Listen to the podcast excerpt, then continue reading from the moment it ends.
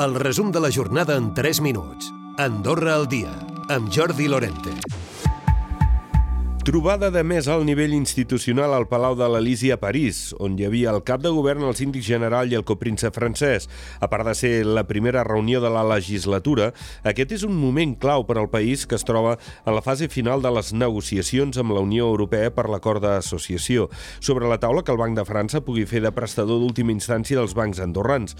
En Xavier Espot, cap de govern. Aquest suport de França, pel que fa, diguem, com a mínim a l'inici d'unes converses més formals sobre l'accés doncs, a, a mecanismes de liquiditat ordinaris, extraordinaris, que inclourien el prestador d'última instància, però que tot això també no, no, potser no es pot fer tot de cop, sinó que s'haurà d'anar fent de manera compassada. Tenim 15 anys, eh, segons l'última versió del protocol de serveis financers. La proposta de la comissió és que el sector financer tingui una transitòria de 15 anys per adaptar-se al model europeu. Emmanuel Macron també ha manifestat la seva voluntat de visitar Andorra de nou. Seria entre l'estiu i la tardor vinent. I Andorra Turisme i Gran Valira han presentat les novetats de la temporada d'hivern. La inversió doblarà la de l'any anterior amb 34 milions i mig d'euros i la innovació és un dels punts principals.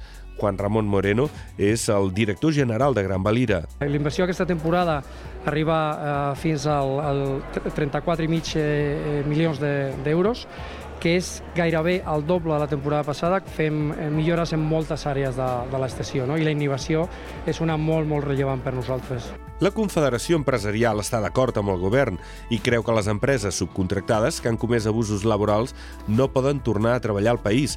Afirma que des de l'executiu se'ls ha dit que serà l'administració la que en tot cas la sancioni o prengui mesures més contundents.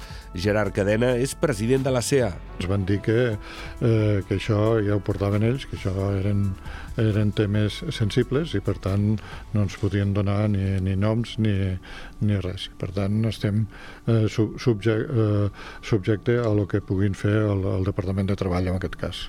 I els carburants s'abarateixen. Aquest octubre el preu mitjà ha baixat un 10% respecte al mateix mes de l'any passat. El que més s'ha reduït és el gasoll de calefacció, que s'ha pagat a poc més d'un euro. Una tendència a la baixa, també respecte als primers 10 mesos de l'any passat.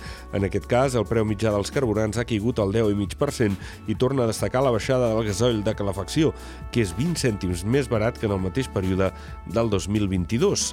El nou espai per a la gent gran d'Encamp estarà llest a mitjan 2025 i costarà més de 3 milions d'euros. El nou espai triplicarà l'actual fins als 1.600 metres quadrats i es dividirà en tres plantes. L'edifici actuarà també com a centre de dia. A la planta baixa hi haurà un gimnàs i un espai polivalent i a la primera un espai per reunir-se amb els nets i una àrea de treball d'afers socials. A l'última planta hi haurà una terrassa. Des del Comú asseguren que els serveis actuals seguiran funcionant durant les obres. Recupera el resum de la jornada cada dia a AndorraDifusió.d i a les plataformes de podcast.